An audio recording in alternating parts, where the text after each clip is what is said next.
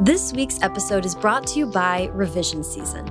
Revision Season is a seven week virtual masterclass in novel revision, led by award winning author Elana K. Arnold. Each week during the session, Elana will send a video lecture and transcript, followed by a series of assignments designed to help you put the week's lessons into practice. A weekly live call, recorded if you need to listen later, gives writers the opportunity to ask specific questions. And a private, moderated forum provides a space for revision season writers to connect with and learn from each other. By the end of revision season, writers will have the tools they need to deepen, enrich, and grow their current manuscript into its next incarnation.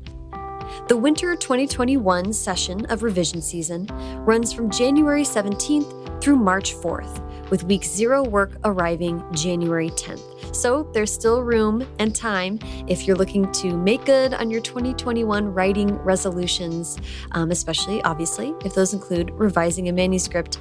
That's been my goal. So I am taking this season of revision season and I'm so excited. But you don't just have to listen to my recommendation, you can take it from Ashlyn, a graduate of the fall session of revision season. Ashlyn says, I had a great time with revision season. Most of all, I feel like I've come away with worksheets and a toolkit that I can apply to many works in progress. As someone who didn't go to school for writing, I feel like I've gone through a novel boot camp. Definitely more than worth the money. Check out more details about revision season, learn more about Elana, and sign up for the winter session at elanakarnold.com.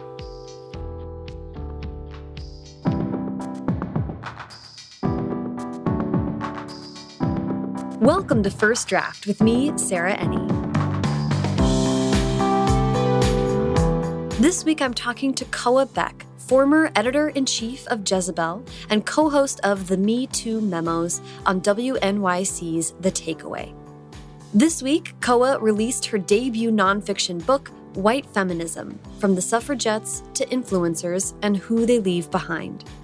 I love what Koa has to say about how the ideology that is white feminism aligns with capitalism and patriarchy, and also about how questions from young people made her realize she needed to write this book, and what it was like to transition from the 24 7 world of running a new media site to sitting in a Harvard library for hours every day to read and research and write. Before we get to Koa's interview, I just want to take a second to let you know some behind the scenes changes here at First Draft. I'm streamlining in a major way for 2021. So going forward, you can find First Draft on Twitter and Instagram at First Draft Pod, and you can sign up for First Draft newsletters at firstdraftpod.substack.com. You can also find the link to that newsletter at firstdraftpod.com. There's two versions of the newsletter. The free one comes out once a month and it's a roundup of news about the show, links to episodes that have come out over the last month, as well as extra links and fun stuff as it comes up. For $5 a month, you can sign up for the weekly newsletter, which is the same thing as the Track Changes newsletter, which I've offered for most of 2020. It's not called the Track Changes newsletter anymore just because it's easier to call it the weekly first draft newsletter. And, you know, apologies for making so many changes. I really thank you guys for sticking with me as I find out what works best for me and is most sustainable for the podcast. But the weekly First Draft newsletter is the exact same thing as the Track Changes newsletter. It's going to offer industry news and analysis, exclusive interviews, links to helpful resources, and coming up this year, essays from me on craft and process, playlists, all kinds of fun stuff. So for $5 a month, you can get the weekly First Draft newsletter tons of great stuff, including ways to comment and add to threads and communicate with me and other listeners to the podcast. The weekly newsletter continues to be the best way to support First Draft in an ongoing way. Basically, I'm getting rid of MailChimp and Facebook to make my life more calm and orderly, and I hope you'll join me. Okay, now, please sit back, relax, and enjoy my conversation with Koa Beck. So, hi, Koa. How are you today? I'm good. How are you, Sarah? I'm doing well. I am so excited to talk today. I have tons of questions about your first book, White Feminism. Uh, but first, I'd love to get some background on you um, and your young writing life. So I'd love to hear about where you were born and raised. I was born in Lihue, Hawaii. We lived in Hawaii until I was about three years old, my mother and father and I. And then we moved to LA, where my father is from. He was born and raised here, and my grandparents have lived here since the 50s. So we are many generations Southern Californian. Um, and I was raised in LA. Okay. Um, and how was reading and writing part of growing up for you? Integral I mean, there's there's in some ways I can't distinguish it. I, I feel like writing was my first conscious thought as a child in a lot of ways. I grew up in a home with not only a lot of books and people who could talk to me about them, um, but I grew up in a family that had the utmost respect for libraries. So I was taken as a very young child. I vividly remember my grandfather taking me to get my first library card when I was in elementary school. I remember librarians explaining to me how to, you know, find books and sort of use the Dewey Decimal System, which took me a while to get a handle on as a kid. um, and I've kept a diary uh, since I was five years old. So I'm always wow. constantly applying narrative to things, writing down accounts, um, things like that. That's amazing. So it so it sounds like I love diary, and because I'm interested because you're writing straddles both fiction and nonfiction now were you creative writing as a young person or kind of growing up through through college were you doing fiction or were you mostly like a yearbook or how did it kind of express itself I really did everything actually when I do an audit of my childhood and then adolescence. Um, I always knew from, I mean, conscious thought, like maybe four or five years old, I knew that I wanted to be a writer.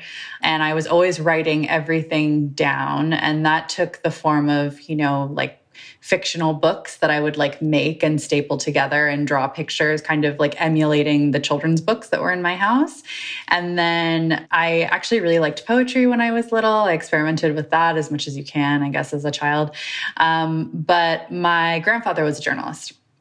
And I grew up being aware of that as like a career and I was very aware that what he did, at least to his assessment, was not creative. His was like very pragmatic and almost like math and, you know, deeply researched and unbiased. And he was that very classic, you know, like white newsman that you now see in mm -hmm. like archival photos, you know, with the um, Edward R. Murrow glasses. And he produced a lot of news programs and he also produced a documentary. But I always like my dream first and foremost was that I wanted to be a novelist. I actually wanted to grow up and be Toni Morrison. That was my dream.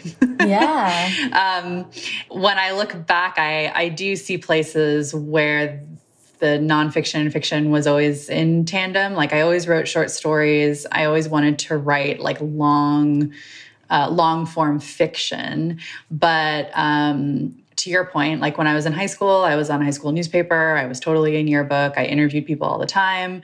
When I was in high school, I was awarded two journalism awards, um, one from the Los Angeles Times and one from, I think, USA Today. But then when I went to college, I double majored in French and English, which my advisor made fun of me for because she said it was just an excuse to like read more but in like a different language. Um, and then my my emphasis was actually in creative writing. I'm so interested in how you went from a focus on you know an english degree in writing and creative writing then you decided to leave college and pursue um, women's journalism like um, uh, journalism focused on women's issues that's so interesting that your grandfather was kind of this staunch, I think of the old guard, like believing in objectivity mm -hmm. type of journalism versus a lot of women's journalism in, in I, I would say incorporates more perspective and point of view. I don't know if you would agree with that, but I, am interested in what made you, um, what drew you to that kind of journalism and what your experience was like doing that kind of reporting. Well, I was always very pragmatic in my writing career. I like to think, and that I didn't expect to necessarily just like graduate college and then like get, you know, a three book deal and like never have like a nine to five job. Um, I after I graduated from college, I moved to New York and I did try and write for basically anyone who would let me. And at the time, you know, that meant like free work or like, you know, mm-hmm. very, very underpaid, just like 22 years old trying to convince people that I was smart enough to spend time on um, and to give assignments to. But I was a nanny for a long time. Um, I've been a nanny on and off. I mean, since I was a teenager, uh, one of the enduring things I think about the way that our country is structured is that no matter where I have gone in my adult life, people always need childcare. That never goes away. So mm-hmm. I did that, and but I I always approached it from the standpoint of like I need a nine to five job, and then writing will be the thing I do, you know, nights and weekends. But having said that, I I started working in journalism, you know, right after the recession. This would be like the 08 recession is what I'm mm-hmm. referring to. And then, you know, a lot of big giants, kind of like now, you know, pre COVID, were either shuttering or were like slimming way down in terms of resources. Um, I feel like an advantage I did have, though, is that when I graduated into the workforce and started applying for jobs, um, feminist blogs, quote unquote, had really like swept the landscape in terms of like tonality, coverage. Jezebel was already very big at this point. Feministing was very big. And I had just graduated from this like deeply liberal queer women's college. Um, so all of a sudden, like the, you know, very sanitized like gender and race theory that I, you know, read and encountered in in classrooms all of a sudden was like pertinent um, or allegedly pertinent, depending on how you want to interpret that, to how people wanted to cover gender. Um, and all of a sudden, you know, mainstream women's outlets were like keen to cover, you know, abortion rights and racial politics to some degree. And so I feel like that was just an intersection of timing. I feel like had I been, you know, graduated even a few years earlier, I probably would have had to have find, found a, a different job. Right. Oh, that's so interesting. Um, and that's, I graduated in 07, like at the very end of 07. So I, I feel you on that. Timing was like uh, odd for people who were interested in writing. Mm-hmm. Um, yeah. There's some overlap in talking about your career working in women's journalism and what you cover in white feminism. So to that end, I'd like for you to speak to? I mean, you had so many amazing positions. You were executive editor of Vogue.com, senior features editor at MarieClaire.com, ending up at editor in chief in Jezebel.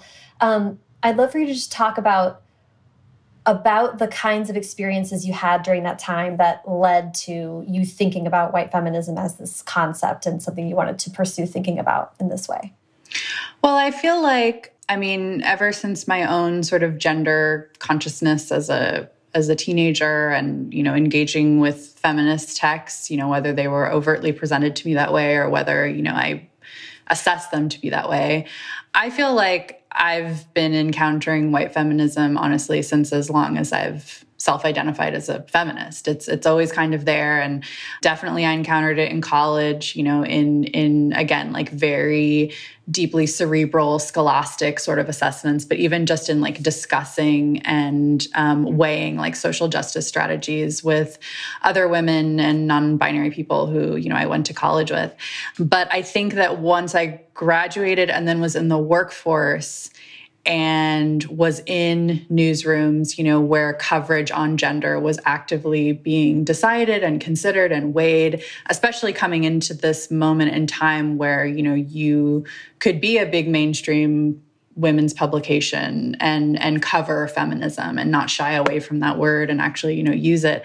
I was always aware of the white feminist ideologies in the room. And that is something that i explore in the book is like my own consciousness around that around identifying it and then also assessing it and trying to gauge like where it begins and ends because that was a skill set that i did not have when i started. You know I, I, I could become aware of you know a middle class woman's issue or like an upper class woman's issue and you know how it's very siloed. But in terms of tracing the ideology and where it begins and ends, I, I had to learn that a lot in, in real time, both in pitching ideas, watching responses to them, but also understanding a lot of these entities and newsrooms as structural power and how they view gender and like what is deemed a quote unquote feminist issue and and what is not. I think that um, for a big stretch of my career, I definitely took my navigation and understanding of white feminism for granted um, just mm. because I knew what it was. I knew that it was there. I more or less knew how to navigate it. But I didn't really see, you know, much merit in like writing it down or, you know, mm. doing anything with that. It just seemed honestly like a professional skill set that I had had to um, maintain and, and cultivate over time. And I was also, you know, when I got hired at a lot of these publications, I was very pragmatic about it. And that's something that I explore in the book too, that, you know, I was willing to make certain concessions just because of the platform that was at my disposal and then you know the messages that can be dispensed through it. Having said that when i got more senior in my career i started speaking more publicly and being on more panels. This happened a lot you know during me too. I was on a lot of panels about like gender and reporting and harassment. And a big shift that i noticed towards that time was that every talk that i gave every panel i was on a young person in the room would get up and ask me directly about white feminism. And they would use that word and they would describe you know being in conversations with their friends who were feminist identified, but who clearly had like very different ideologies and practices around gender equality than they did. Um, it, they would encounter it in their families. They were would encounter it, you know, with with other people in their family, and just every talk there was some young person that would ask, and I started to see that you know these experiences that I that I had had being very close to structural power and also knowing a lot about feminist history and not just white feminist history, but, you know, like Black lesbian feminism, um, Chicana feminism, Native women's rights, like a lot of times the urgency on these people's faces when they would ask, I started to see that there was a lot of merit in me assembling all that I knew and also taking what I knew and putting it against a historical backdrop to convey that, you know, when you are having contentious conversations with white feminists or you are up against a white feminist ideology, that's so not isolated to this moment. It couldn't be further from the truth. There's such a rich context and history behind when you say something versus when a white feminist says something and how your points of view are completely different. Yeah, that's um, so you've you've kind of led us beautifully to. I'd like to introduce the book kind of formally so that we can talk about um, what's in it specifically. So, if you don't mind, if you could you uh, pitch white feminism for us. Um, so I think a good place to start is that um, my book aside, white feminism is an ideology and an approach to gender equality that prioritizes very specific things, facets that are mostly elusive to women of color, queer people, working class people, impoverished people. So white feminism really upholds um, individuality, accumulation of wealth usually embraces capitalism, very invested in obtaining power as opposed to redistributing that power among you know other bodies of people other collectives that sort of thing. Um, white feminism from the first wave down through you know now. And again wave is a very contested word in feminist theory mostly because it collapses a lot of ideologies you know into like one overarching premise but um, understanding that white feminism has always been that. It's always been more concerned with the individual woman, whatever her needs are, and not necessarily a collective understanding of gender equality and also what groups of women need as opposed to what one woman needs. Another thing about white feminism is that it's very successful in being aspirational. And that is true from the first wave through now. Like if you think about, you know, what a I, I, say in the book, like feminist, you know, trademark, feminist TM, like what it positions to you. It's always this aspirational lifestyle of, you know, a very orderly email inbox and like a smartphone that you check a lot of email on and like, you know, you're eating a salad with like figs in it and like your children are perfectly cared for and like your husband does laundry and it, it, it's just, just so utopian. Whereas, you know, for a lot of women and other marginal marginalized genders, we're not talking about an aspirational lifestyle. We're talking about basic human rights, affordable housing, being able to make a living wage, food security. You know, these are people that do not have really any standard of living, let alone an aspirational one. But uh, ever since, you know, the the suffragette times when middle to upper class women in the United States were organizing for the right to vote, this ideology has endured. And, and those suffragettes, I mean, one of the things they were super clear on in their organizing and pushing for the vote is that they viewed gender equality as having access to what their husbands, fathers, sons, brothers had and a, a, an enduring theme of, of white feminism is you know women of color groups queer groups working class groups coming to white feminists and saying, if you want to be your husband, if like that's your goal, inevitably that will involve you exploiting me, you know, whether it's through a company or like domestic labor that's underpaid or, you know, through cleaning your house for minimal wages. Like, if that's what you want to do, you will oppress me. And for four waves, white feminism has essentially been like, that's okay. right, right. And the, and in the book, you sort of um, you cover that history and sort of position us in the present moment of the of the fourth wave and what it is, and then you also um, give three pillars of change as to how we can move forward and kind of a new. Uh, a new movement that re reorients, I'll say, um, our concept of feminism and who feminism is for and what it hopes to achieve. I think it's so interesting hearing you say that you were speaking and you were sort of face to face with these young feminists who were who had questions for you, who had sort of like really, really, really timely, important questions about feminism. Because I'd love to hear about what made the call to write this book so important. I mean, you left your job as editor in chief at Jezebel and are mm -hmm. pursuing this. So obviously, it reached that level of importance to you. I'd love to hear kind of what that process was like. Sure. Well, I, um, my, one of my professional goals for myself and also just like personal goals is I've always wanted to write a book, always. I mean, since I was a very little girl, that has been a dream of mine. I started working in media. I was successful in media. I was good at media. A lot of brands trusted me with, you know, all sorts of of stories and strategies and things like that. But honestly, it was not my goal to be a media person. It was something that I was good at and was rewarded for. And I got health insurance out of it. and um, I was able to cultivate, you know, my writing and reporting skill sets. But I did not set out necessarily to become an editor in chief or like an editor at a Glossy. I always wanted to be a, a writer first and foremost. When uh, I started, you know, speaking a lot more and being a much more public figure in media and, and hearing these young people have qualms like this, I saw it as something that I needed to provide for them and also something that was very urgent to them and also you know other people who i will you know not necessarily work with in newsrooms or who i will not hire or you know see on a on a professional level. So deciding to do the book was quite easy in terms of my long term goals.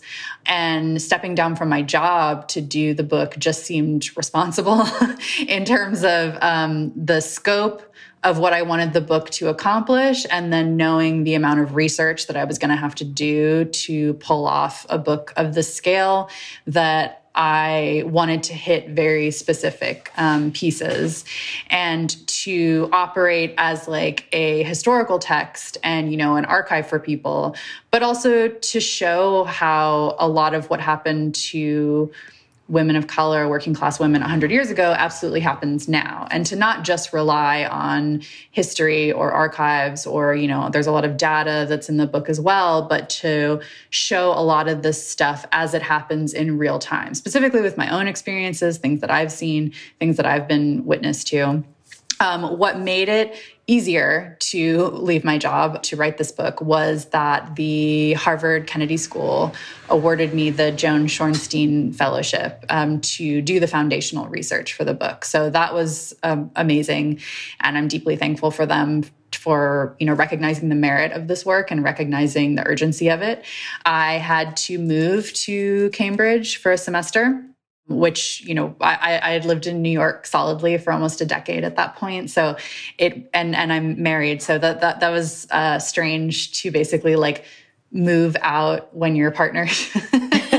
um, and it was, I mean, a very dramatic change in my professional life in that I went from running you know a juggernaut of a, of a website with you know an incredible team with very you know minute to minute just crazy updates about like Trump and his nonsense and and DACA and the wall and um, the military, you know, like pulling back all um, this trans legislation to then like literally getting up every day making coffee alone and then going into a library for six hours and turning my phone off. it was uh, after you know many years of of running women's websites and being you know a key part of of running women's websites it was a very welcome change to just go back into history to be very quiet to pick through these archives. Because you know the the more senior and higher you get you don't really get to do things like that anymore, which I always found to be kind of sad. You know, when I was an EIC and even when I was an executive editor, like every good idea you have, you give to someone else. right. Um, because you, the way that that body is structured is that you seldom do execution anymore. Mm -hmm. It's just mm-hmm. not how the conveyor belt is. So it felt um, really wonderful and kind of full circle to step away from the newsroom, turn my phone off, no Slack. Nobody needs anything, you know, it's pre COVID, and go into a library and just completely be immersive in these conversations that all these different women were having um, in the 20th century, both in the first and second wave. Yeah, I mean, that's incredible. I, I also, um, I mean, you sort of had to turn into a scholar for this work because you really took on an enormous task. Um, in the in the book, you say, um, but before we can build a movement, we have to acknowledge the deep and enduring conflicts that have preceded this moment. We need to learn how to recognize and chart the course of white feminism so we can dismantle it once and for all. I mean, I'd love to hear anything you'd have to say about this was such a gigantic thing to tackle. Like, how did you decide that it was your task to take that on, and how did you? How did you begin the intense mental process of like i need to start here you know as a writer? Well i love really to read anything and i and i try and pride myself on reading very widely. Um, I, I, like to think of genre as more so like a marketing label than like a you know utter truth of you know writing. But i do consume a, a, lot of nonfiction and a lot of history specifically and i love to read history. I, I always have. I get a lot out of it. I love biographies. And for my own feminist consciousness I have gotten so much out of history and, you know, not so much like immediately the women in my own life, which is definitely some people's experiences, but understanding movements through the people who lived them be mm. before me. And also, I think in a lot of experiences that I've had with white feminism, both one to one, but especially structurally, I often find that what is missing in those moments is history and is mm. context and is, you know, when you're a, a, white woman who's in power and you make a comment about a black woman's body in the office, for instance, what's missing there is the long history of homogeny within white feminism specifically that says or mandates that women have to be a certain way, you know, whether that's woman identified or not, to be able to participate in this movement. And so for for me and the way that I think about feminism in my own life, but also takeaways for the reader, history was a very intuitive place to start to build out the full context of how women and non binary people from different classes and races have different goals. And for very specific reasons, they have different goals, and how those goals can dramatically collide when encountering white feminist or white feminist ideologies. Yeah, I mean that's uh, couldn't agree more. But also just just kind of putting myself in your place about wanting to write this book. Still kind of overwhelmed. It's like a stack of books next to you at all times. I'm sure.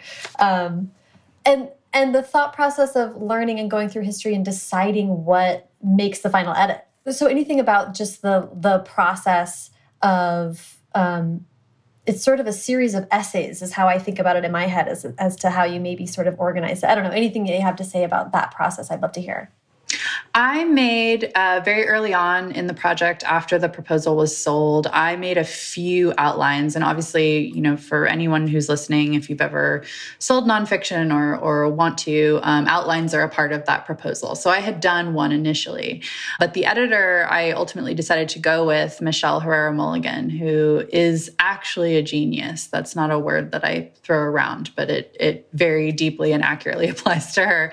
Um, we experimented with a few different outlines uh, in that she really wanted me to expand the book and expand key points. But in terms of structure and storytelling, as you can imagine, um, it was complicated in terms of, I think about the structure of the book, especially now that it's finished, as having three concurrent narratives. So there's history, there's me and, mm-hmm. and my experiences, and then there's contemporary culture. And getting all three of those things to operate and move in the same direction and to follow an arc that does not, you know, compete in the reader's consciousness, that is very challenging. So we tried a few things in terms of structure and then you know once i handed in you know the first draft se second draft it's very easy to see you know what is anecdotal mm -hmm. and what you don't actually need but also, I think this speaks to the skill set of my editor, Michelle, who I trusted very much in doing this and who identified very early that structure would be key in telling this book and like bringing somebody into both the ideology but also history of white feminism. And i think that as far as the you know structure we ultimately went with i'm super proud of. And i think that credit for that ultimately belongs with her. I mean you're all writers know or should know that you are only as good as your editor. That is a truth.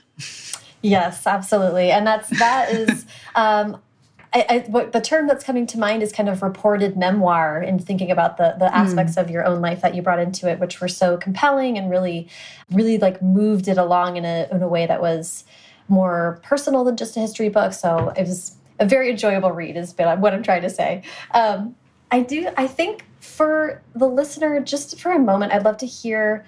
Um, I think it's important to talk about the delineation. You're talking about white feminism as an ideology, like a belief system. So I'm interested in hearing you talk about the difference between white feminism and white women who are feminists, because that might be oh, yes. something that's not immediately obvious to, to all listeners. The difference between white feminism as an ideology and white women is deeply profound. And I do spend a substantial part of the introduction of the book being really clear about that. White feminism can be subscribed to and followed by anyone of any race or gender or background or class because it is an ideology. There have been throughout history women who are feminists who happen to be white. And I do spend time exploring them, um, how they came to their feminism, particularly in the American South. There have been these incredible anti racist white feminists who, from the jump, um, incorporated.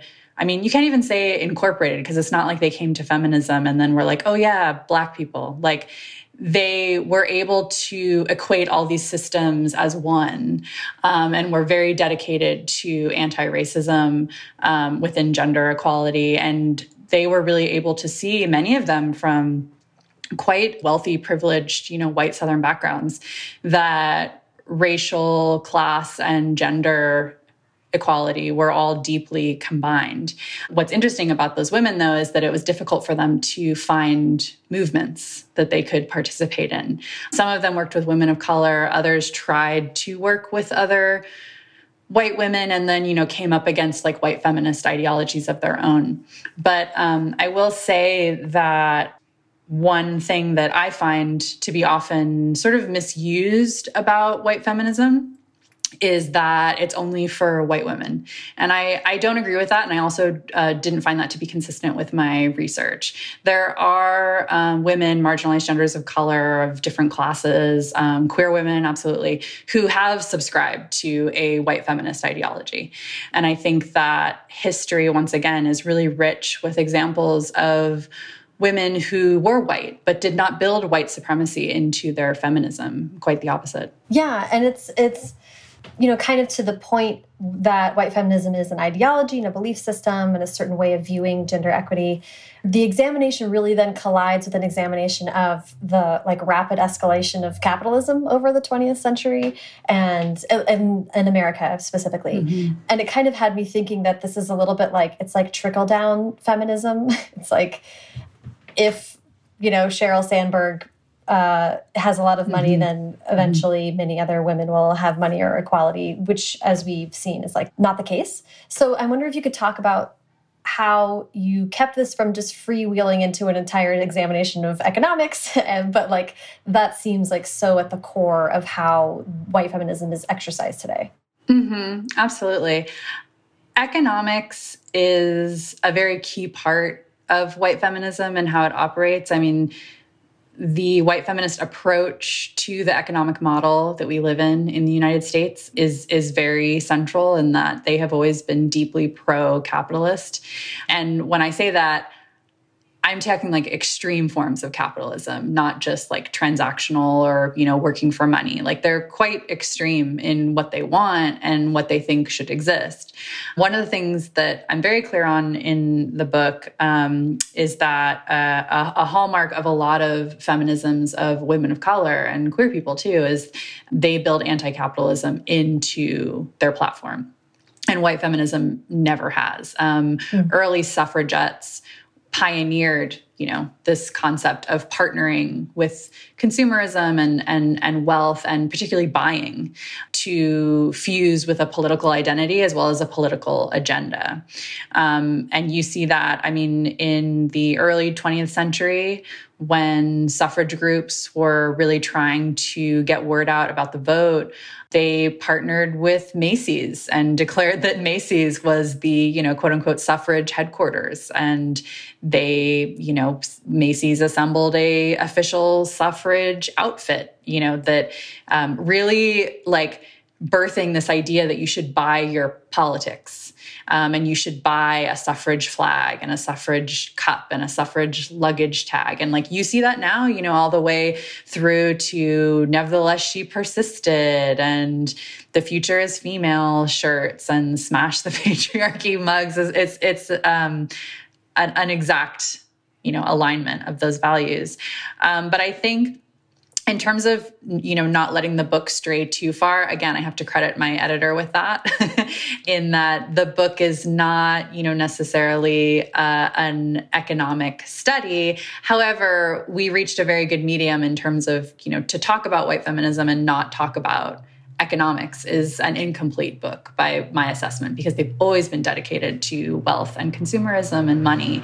And so i feel like um, ultimately you know what we shape together is fair and, and accurate to white feminism and an understanding of white feminism without being you know inaccessible or you know you need like an econ degree to understand what i'm saying i mean keep in mind i don't have an econ degree uh, yes but it's it's um, it was so at least for me as the reader, it felt like a relief to read you sort of explain how clearly these two things were connected. You made a lot of connections in the book that I sort of understood in this hazy way, and then it became very clear through reading. One thing that I'd love to hear you speak to that just like kind of like really knocked me out was organizing being replaced by networking and talking about these conferences it just was like very visceral mm -hmm. to me mm -hmm. um, mm-hmm. can you just i'd love to just hear you talk about about tackling that part of it yeah, I mean, a, a, a, very big part of women's movements broadly in this country, you know, whether um, white feminist or, you know,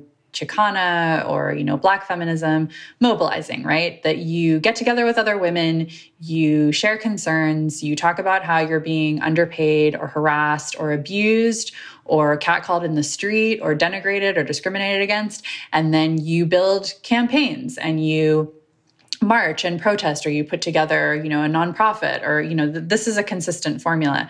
Where white feminism you know of present takes it to new heights is that getting together with other women doesn't have a collective goal necessarily. It has very individualistic gains. So one of the things i track a lot in the book is how you know in second wave feminism this idea of a consciousness raising circle that you get together in another woman's home and you all share food food and, and you basically share personal experiences between each other to understand systemic oppression. So, you know, for the readers who are listening, right? Like I share something that happened to me hypothetically when I was a teenager, and that same thing happened to you. And then we're able to see parallels in our experiences between you know how we were treated after the fact help that we didn't get and then the narratives that we internalized about why that happened to us. And that can that can span anywhere from you know assault to discrimination to you know being underpaid like you know all sorts of things. But white feminism of the fourth wave has been very successful in essentially taking that model getting a lot of women together using the word empowerment, talking about being together, using like very collective language in the promotional materials, but the goals are still individual. So you want to get that job, you want to make more money at this specific thing. You want to get like that particular client.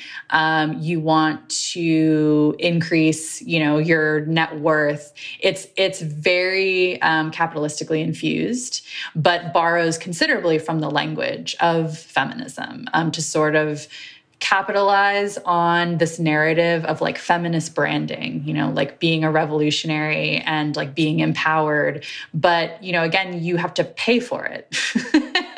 you buy a ticket and go to you know one of these fancy conferences that costs hundreds of dollars and your empowerment is transactional it's paid for. As opposed to you know for most of history empowerment is this feeling that rushes in from challenging power specifically with other women sometimes by yourself.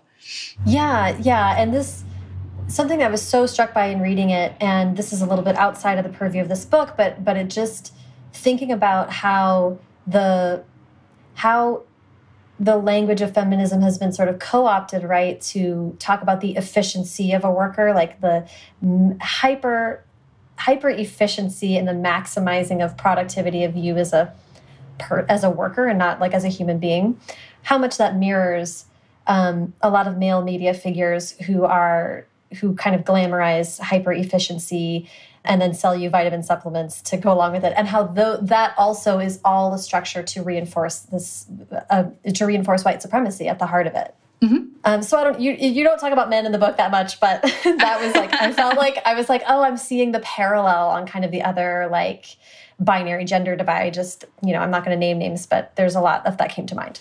Yeah, very much so. And I feel like um, that's that's one of white feminism's strong points is that they they as as an ideology, it doesn't deviate that much from patriarchy. It does on like some key things, but one of the reasons that it's so palatable, successful, and openly embraced by a lot of you know these corporations and institutions is because it doesn't challenge very much. It's ultimately taking a pattern or a formula that you know white cis men who are able-bodied have been very successful at and then you know applying it to women and then there are some tweaks here and there but it, it's not it's not really that much. It's usually the same values. It's usually the same performance metrics. It's usually the same goals.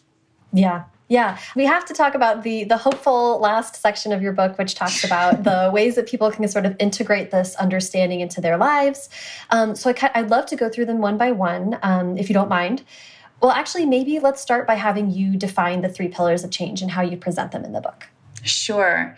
So um, after you know going through the history of white feminism and then tracking how the movement became corporate, um, and you know gained more strength from corporate endorsement especially right now mm. um, the last half of the book last third of the book i should say i outline a course corrective and what i think can be done to basically get us on a path away from white feminism and to hopefully a, a, a different movement but one that clearly builds off these other feminist movements that have been very successful um, and enduring, you know, in their own ideologies. So I, I lay out essentially three prominent pillars for change to course correct for this white feminist path. Um, the the first pillar of change that I propose is to stop acknowledging privilege. Uh, I explore this a lot in earlier parts of the book, but I have found that in you know the very elite circles that I've ran in in my career in media, but also you know having gone to an elite women's college and you know having interviewed like very high profile people for most of my life something has persisted where like acknowledging that you're you know a, a rich white woman who's straight is enough um, and like if you say that, it operates more as a disclaimer, you know, to the rest of the stuff that you're going to say or the policies you're going to protect or the change that you won't allow to come through, rather than, you know, a place by which you then think about change. And I've watched that happen a lot um, with both editorial, but also like people who will preface, you know, oh, you know, I'm just a rich white lady. Like, what do I know? And it's like, mm-hmm. well, that's not really an excuse. um, just because you acknowledge that you are the power holder in the room. Like that, I don't know why you want to parade for that. Um, so I propose instead of um, acknowledging privilege to fight for visibility in, instead. And and why I advocate for that strategy is because for you know large swaths of both American history, but also frankly women's rights and white feminism in this country a lot of the women that I report on in this book, frankly, have not existed. Native women, Black women, Latinas, working class women, poor women, non binary people, two spirit people, trans people like at very baseline for so many of these women we have to start with existence. And you know mm-hmm. with that comes a lot of basic needs like just acknowledging the fact that they need shelter. Patriarchy and misogyny has been very successful in impoverishing women in this country. And so a, a byproduct of um, patriarchy and patriarchal rule in this country is that there are so many homeless women. And that's an intersection of domestic violence their homes aren't safe they're they're poor they get evicted um, and with that also comes food security which again you know going hungry is not presented in this country as a symptom of misogyny but if you look at the constellation of policies that so many women live under, it absolutely is. Going hungry and starving and, and not having enough money you know, to feed you or your babies is, is absolutely a symptom of structural misogyny. And then my second my second pillar of change is to fight more so the systems that hold marginalized genders back as opposed to thinking in individual people. Um, I've had this conversation with a lot of women who I've worked with and also, you know, sources for certain stories where like, especially now, you know, in thinking in terms of, you know, predators and like the things that hold women back and endanger them and endanger their workspaces a lot of times media narratives will concentrate on like the Harvey Weinstein, right? Or like the particular manager or like this predatory person or, you know, this individual person who will not hire single mothers or, you know, it's it, it's very it's very personalized and also there's a specific character that we like cast into that misogyny.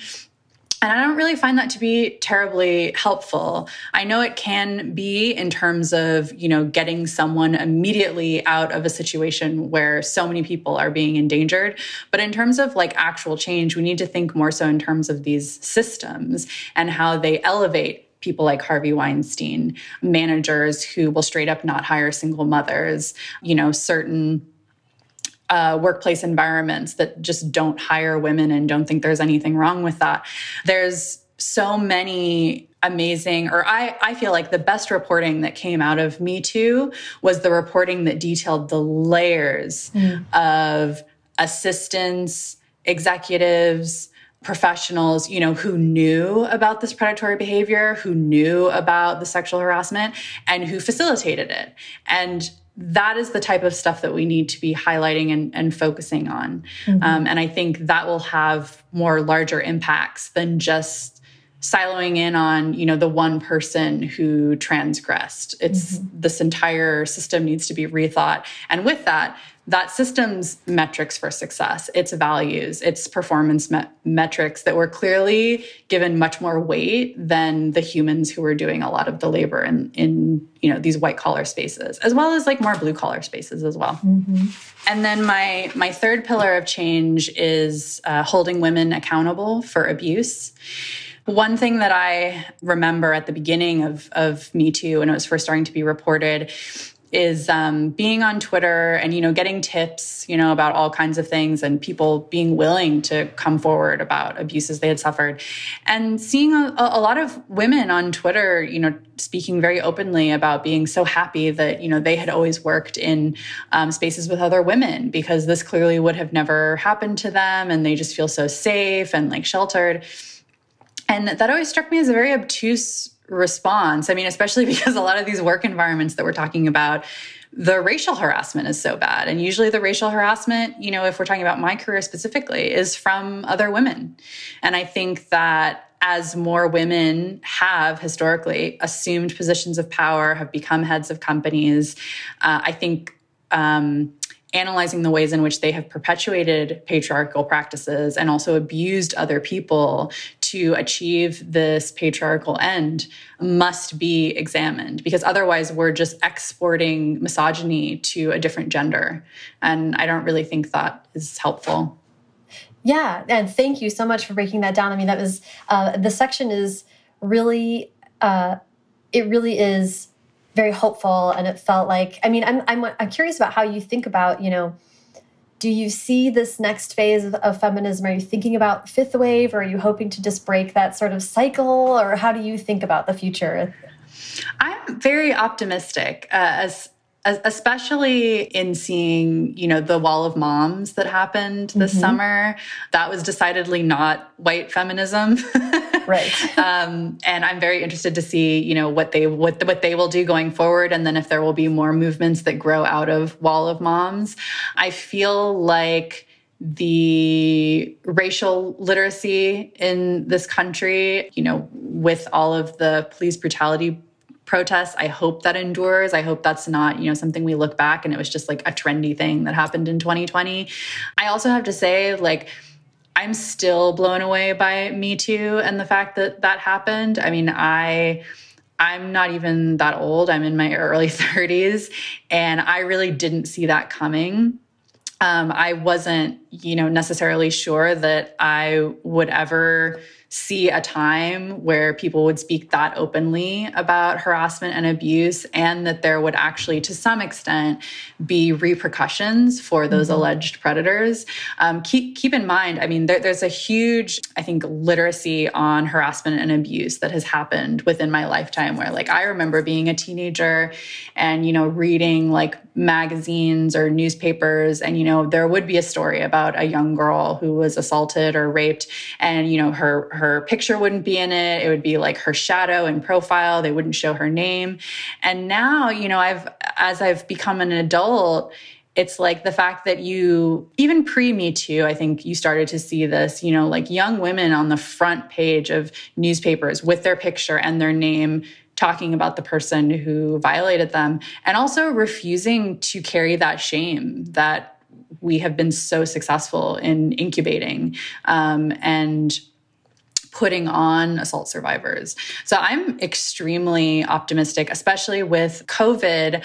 I'm hoping that this quarantine and vaccine uh, distribution will really illuminate for a lot of people how our systems do not work for deeply impoverished people across genders, and that hopefully when we do get to a place where the vaccine is accessible to large swaths of people, we expect very different things from these institutions. That white collar workers don't just fall back in line, but when they do go back to some version of going back, that they demand more from these institutions in terms of paid parental leave and labor protections and and time off and and time you know to care for children and elderly people and and partners and like I I I really um, am optimistic about the ways in which institutions might be able to change after this pandemic, mostly because people will be willing to um, do less and be upfront about the fact that they are not willing to give over, you know, their entire soul and being to quote unquote hustle culture. Yeah, yeah, it's really. Um, uh, I mean, that's what you're talking about is this encapsulation of fighting for yourself as a human being as opposed to an asset, right? That's right. something that sort of needs to be filtered down. It's not immediately obvious if you were just born and raised in America. We're kind of all swimming in this um, capitalist. I mean, I, I want to phrase the question and speak to COVID in, in, a little bit of a different way, which is, you know, you say in the book, the gender revolution isn't profitable. And you say that in the mm -hmm. context of saying feminism really needs to be making sure that people are housed and fed and given equal protection under laws and many other things kind of at the base level and then you can build to the the, the Sheryl Sandberg lean, leaning in of the world, um, as opposed to the other way around. And I think that we've all sort of, over the last few months of being in quarantine and seeing the global pandemic, we've seen these systems fail us, right? There are 8 million people in poverty mm -hmm. now. There are people line, in line for hours at food banks. Um, it's sort of not um, possible to look away from it uh, as, many, as it was before. And that I want to talk about two things. First is just like, does that factor into your optimism? Um, I mean, you spoke to that a little bit, but and also how did you in real time you know, this is happening, and I'm sure your book was already like, I think it was originally meant to come out in June, and you are able to, mm -hmm. in the mm-hmm. book, actually speak to it. So, from a publishing standpoint, I was like, wow, this is a feat. They really made this happen. So, how did that, how did that go down? Yeah, I initially, I turned in what was supposed to be the final draft of my book, I think a couple weeks before COVID in March, had wow. had officially registered in the United States. And I turned it in. And then I, you know, like everybody else, started to become more and more aware of what was happening. Okay, what is at risk? What can I do? And then again, my genius editor emailed me and said, you know, this needs to be incorporated. Um, and, wow. you know, I, I had already been thinking, especially just following the news, it became apparent quite quickly how this virus was going to fall along both race and gender. Um, mm. The Times reported over the summer that the essential worker, um, the quintessential essential worker, the average essential worker was and is a woman of color. Mm -hmm. That is who is doing a lot of frontline work, you know, whether it's like bagging the groceries that you get to take home or the nurse who admits you to the hospital. So it, it was very, very relevant pertinent. My editor saw that right away. Um, I had a very brief window in which to rejigger certain parts of the book to incorporate COVID um, and to incorporate, you know, what we knew about COVID. But I also have to say, like, having done so much research and having seen history play out for marginalized genders in a very specific way and watching institutions fail them, coming off of the book and looking ahead at the pandemic, I could see the patterns already taking shape. And my editor mm -hmm. did too, you know, to her to her credit. Um, and I think that some of the reporting that I've really taken to heart that makes me feel even more hopeful is that you have these like middle class, you know, upper to middle class women who are quoted in the Times sort of like wondering in quarantine in pandemic you know as they're taking care of their kids and doing labor outside the home and you know washing dishes cooking all the meals doing all the laundry they're like where's white feminism? Um and you know that is between the lines like what they are asking. Like where mm -hmm. is this thing? And the daunting realization that i've teased out in my book is that like white feminism is not coming to save you. It was never designed to save you. It is an aspirational model that you are supposed to work, work towards. It was not subsidized childcare. It was not paid parental leave. It was not you know federal funded care workers to come to your house or you know places like daycare centers or you know like that's not what white feminism has been from the jump. Right. right. It's mostly leggings, from what I can tell. It's a lot of leggings. Yes. Uh, um, yeah, I mean that that um, it it's. I just think it's also in some ways it's made your book such a moment for your book to come out. It's a lot of explaining what we're seeing around us, and also giving us tools and language for a way that we can sort of move forward together more equitably and thinking about others as well as ourselves, which is um, a sentiment I couldn't be more excited to talk about more in 2021. So I'm excited for this book to come out. But speaking of the future, I want to kind of wrap up the conversation by talking about where you hope to go from here and what other projects you might have on the horizon. I um, am my happiest writing books. I love it. I have the temperament for it. I love to be alone. I love to do research. I, I also love, honestly, interviewing people. Um, mm. I, I always have. Uh, I love the sort of one to one, you know, interrogation of both people's lives, but also their values and then like mm. what they've lived and what they've seen. So um, I do have a number of projects on the horizon, but nothing that I can confirm yet on the podcast. okay, that's fair. That's fair. Um, I just I, I, end every interview by asking about advice. So I would really love to hear. You know, you write um, such well researched and personal. This book is is is incredibly well researched and personal as well. So I'd love to hear someone who's interested in writing nonfiction and incorporating themselves in that narrative somewhat. Do you have any advice for kind of how to tackle that? I do. I think. Um, in terms of applying your own experience to historical narratives. I found it to be really helpful to as best as I could, you know, distill the feeling. And I think that for somebody who's, you know, a researcher like me and a journalist, I think that can be counterintuitive. I mean, a lot of more conventional journalism, traditional journalism, I, I didn't go to graduate school, but I know a lot of people who have. And the sort of, you know, unbiased speech that, you know, you get a lot. I see how it works. My grandfather would definitely advocate for it, but I don't really think that that has the capacity to get to more personalized experiences under oppression and under systems that devalue you or people you know or people who you interview.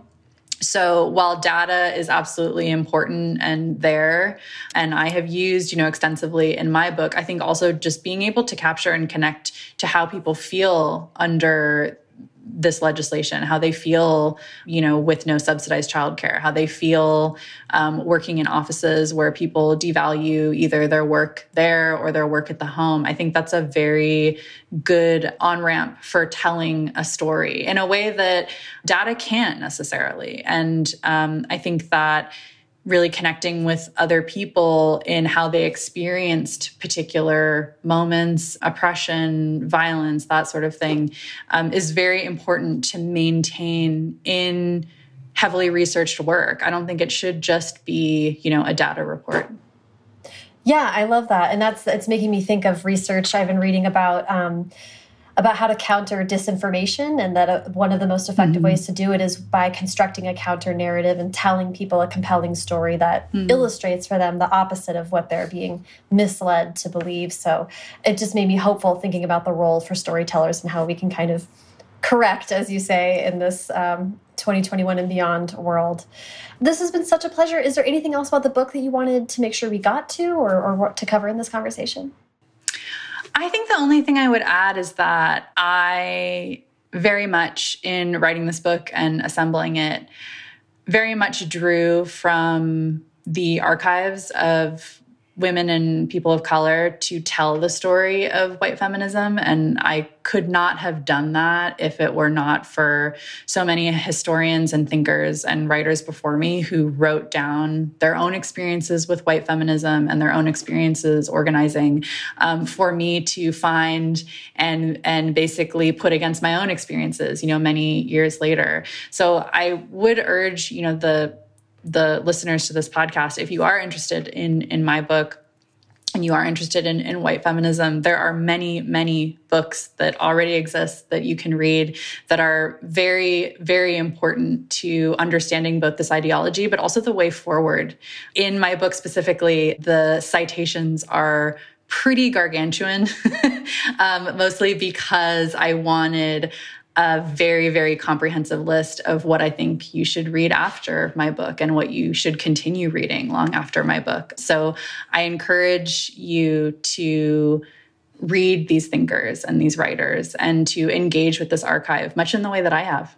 Yeah, the, the bibliography for your book is like a wonderful syllabus. I was like, this is just a great collected reading list. um, that makes me happy that you refer to it as a syllabus. I know for the for the for the real ones out there, that's what I was approaching it. Um, Koa, this has been such a wonderful conversation. You gave me so much time today. I really appreciate it. Thank you. And thank you for being so gracious and understanding with all the tech back and forth. I really appreciate it. You so much to Koa. Follow her on Twitter at Koalani, that's at K O A L A N I, and Instagram at Koa Beck. Follow me on both at Sarah Enni and the show at First Draft Pod. And thank you to our sponsor, Revision Season, the seven week virtual masterclass in novel revision led by award winning author Elana K. Arnold. The Winter 2021 session runs January 17th through March 4th, with week zero work arriving on January 10th. So you have a few more days to run over to elanakarnold.com to learn more about revision season and to sign up. First Draft is produced by me, Sarah Enni, and today's episode was produced and sound designed by Callie Wright. The theme music is by Dan Bailey, and the logo was designed by Colin Keith. Thanks also to transcriptionist at large, Julie Anderson, and as ever, thanks to you, Consciousness Raisers, for listening.